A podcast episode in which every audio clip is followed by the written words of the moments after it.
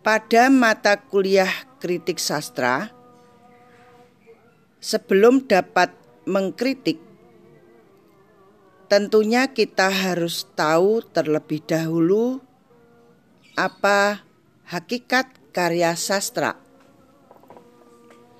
Hakikat karya sastra yaitu karya sastra merupakan cerminan dari kehidupan nyata sebagai inspirasi, sebagai model, sebagai cerminan kehidupan nyata dengan segala persoalan hidup masyarakat, individu, budaya, dan politik dengan menggunakan media bahasa diciptakan oleh pengarang. Nah, karena pengarang sebagai anggota masyarakat, jadi bisa karena melihat sendiri peristiwa-peristiwa yang dialaminya, merasakan sendiri segala sesuatu yang dialami oleh pengarang, sehingga pengarang menciptakan karya sastra untuk pembaca. Adapun pembaca menikmati karya sastra bisa suka terhadap karya sastra, bisa juga tidak suka terhadap karya sastra tersebut. Dengan membaca karya sastra, pembaca bisa terpengaruh oleh isi dari karya sastra tersebut. Misalnya, isi dari karya sastra tersebut bisa menjadi inspirasi kehidupannya, bisa menjadi panutan pembaca atau penikmat karya sastra bisa mengambil manfaat dari karya sastra tersebut. Adapun yang dinikmati apa? Nah, sekarang apabila menikmati puisi, bisa menikmati gaya bahasa yang ada dalam puisi tersebut. Bisa tema, bisa juga permainan bunyi atau amanat, dan lain-lain. Apabila kita menikmati prosa, bisa menikmati alurnya, tema yang diangkat oleh pengarang, penokohannya, latar, dan lain-lain. Drama misalnya kita bisa menikmati bagaimana tata panggungnya, bagaimana karakter tokohnya, bisa bagaimana pemain memainkan tokoh dalam drama tersebut, juga tema dan alur. Apabila kita menikmati komik, bisa gambar dari tokoh-tokohnya, gambar dari latarnya, dan alur cerita yang ditampilkan melalui gambar. Dari hakikat karya sastra tersebut, dapat kita katakan bahwa karya sastra memiliki komponen-komponen. Ada empat komponen yang terdapat dalam karya sastra. Yang pertama, kehidupan nyata dengan segala persoalannya. Ini sebagai isi dari karya sastra. Yang kedua, pengarang. Dia sebagai pencipta karya sastra melalui bahasa sebagai medianya. Pembaca sebagai penikmat karya sastra. Dan yang keempat, unsur-unsur yang membentuk karya sastra. Adapun karya sastra mengapa menjadi berbeda-beda dan berjenis-jenis? Itu karena hanya cara pengarang menyajikan karya sastra tersebut. Kalau diuraikan panjang lebar, dapat dikatakan bentuk prosa. Kalau karya sastra tersebut dipentaskan dan ditonton, maka dapat berbentuk drama. Kalau disampaikan dengan bentuk kalimat pendek, dengan permainan bunyi, dapat dikatakan puisi. Karya sastra dapat disajikan melalui gambar. Nah, gambar ini diberi narasi, kemudian dapat dikatakan sebagai komik. Oke, jadi prosa, puisi, drama, maupun komik pada hakikatnya sama akan tetapi, yang membuat berbeda adalah cara menyampaikan saja. Kembali kepada komponen-komponen dalam karya sastra, oleh Abrams dikatakan terdapat empat pendekatan, yaitu pendekatan mimetik, pendekatan ekspresif, pendekatan pragmatik, dan pendekatan objektif. Demikian pula Renewell dan Austin Warren menyampaikan terdapat dua pendekatan. Pendekatan ekstrinsik yang oleh Abrams yaitu kalau kita sejajarkan itu pendekatan mimetik, ekspresif, dan pragmatik. Pendekatan intrinsik kalau disejajarkan dengan pendekatan Abrams yaitu pendekatan objektif. Kita sebagai penikmat karya sastra sekaligus sebagai seorang yang dapat memberi penilaian terhadap karya sastra atau bahkan memberi penghakiman terhadap karya sastra.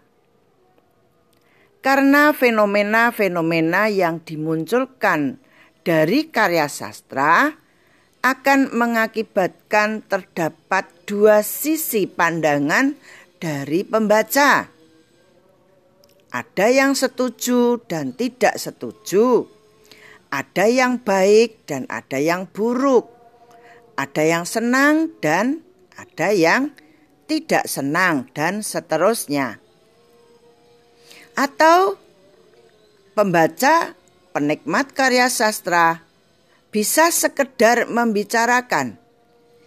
Jadi, sebagai penikmat atau pembaca, apabila sudah selesai menikmati, tentunya tidak langsung diam saja pasti akan membicarakan, akan mengambil nilai-nilai, dan akan menghakimi. Nah, kegiatan ini sering diketahui dengan sebutan kritik sastra.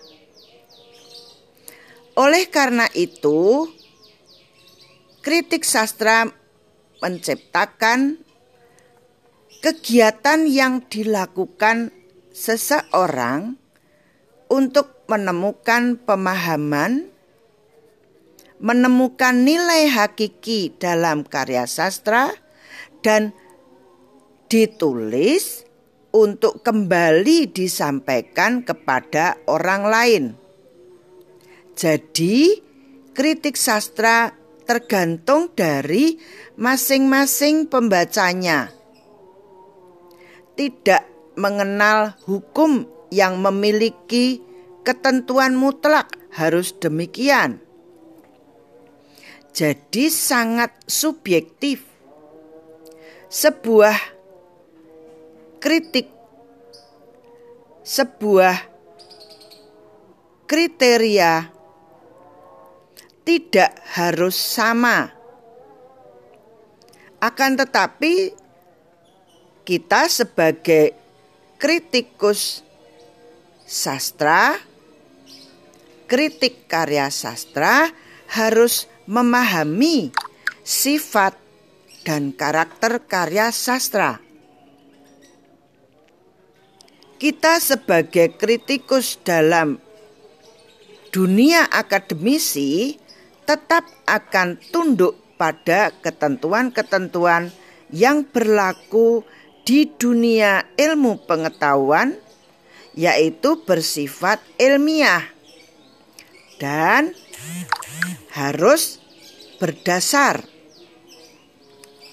sesuai dengan hakikat karya sastra dan komponen-komponen yang ada dalam karya sastra, maka kita dapat membuat kritik sastra melalui beberapa pendekatan yaitu yang pertama dengan pendekatan objektif, atau kita membuat kritik dari unsur-unsur intrinsik yang membangun karya sastra.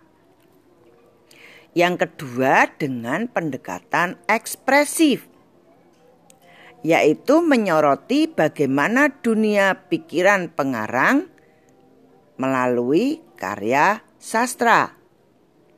Yang ketiga dengan pendekatan mimetik, yaitu apakah karya sastra dapat mencerminkan dunia nyata. Yang keempat dengan pendekatan pragmatik, yaitu menyoroti pandangan pembaca terhadap karya sastra. Akan tetapi kritik sastra dengan pendekatan pragmatik jarang dilakukan karena harus melibatkan banyak pembaca yang tentunya membutuhkan kesediaan pembaca untuk membantu kritik pengkritik maksud saya. Hal ini tentunya membutuhkan biaya yang tidak sedikit. Karena kita sebagai kritikus harus menyediakan bahan bacaan untuk para pembaca. Untuk dapat membuat kritik sastra, kita dapat juga menentukan apakah karya sastra tersebut termasuk karya sastra pop atau populer atau termasuk karya sastra yang memiliki nilai sastra. Adapun karya sastra pop atau populer adalah karya sastra yang disenangi oleh halayak, oleh banyak masyarakat. Karena memang isinya hanya bersifat menghibur, merupakan bacaan ringan Tema-tema yang diangkat merupakan tema-tema yang sesuai dengan selera penikmat karya sastra. Tidak diperlukan pemikiran yang serius. Jenis karya sastra ini merupakan hiburan murni. Berbeda dengan karya sastra serius. Karya sastra jenis ini merupakan karya sastra yang isinya memberikan alternatif pemikiran yang selalu muncul. Pembaca dituntut untuk selalu berimajinasi untuk memahami isi cerita tersebut dan aktif ikut hanyut di dalam karya sastra tersebut. Karya sastra serius sering menyuguhkan cerita-cerita yang terlalu rumit dan jelimet sehingga diperlukan energi intelektual perasaan yang kuat untuk memahami karya sastra jenis ini. Biasanya karya sastra ini mengandung budaya tertentu dengan segala permasalahannya. Menyajikan nilai-nilai kemanusiaan, menyajikan peristiwa-peristiwa politik pada waktu tertentu. Ciri karya sastra yang serius itu sering menyuguhkan kebudayaan yang agung yang akan memunculkan permenungan. Tema-tema yang diangkat dalam karya sastra yang serius sering berwujud fakta dari pengalaman kemanusiaan yang digambarkan di dalam cerita. Akan tetapi, sebenarnya tidak ada konversi maksud saya konvensi untuk menentukan karya sastra pop dan karya sastra serius. Akan tetapi bukan berarti kita tidak dapat membedakan antara yang pop dan serius. Demikian teman-teman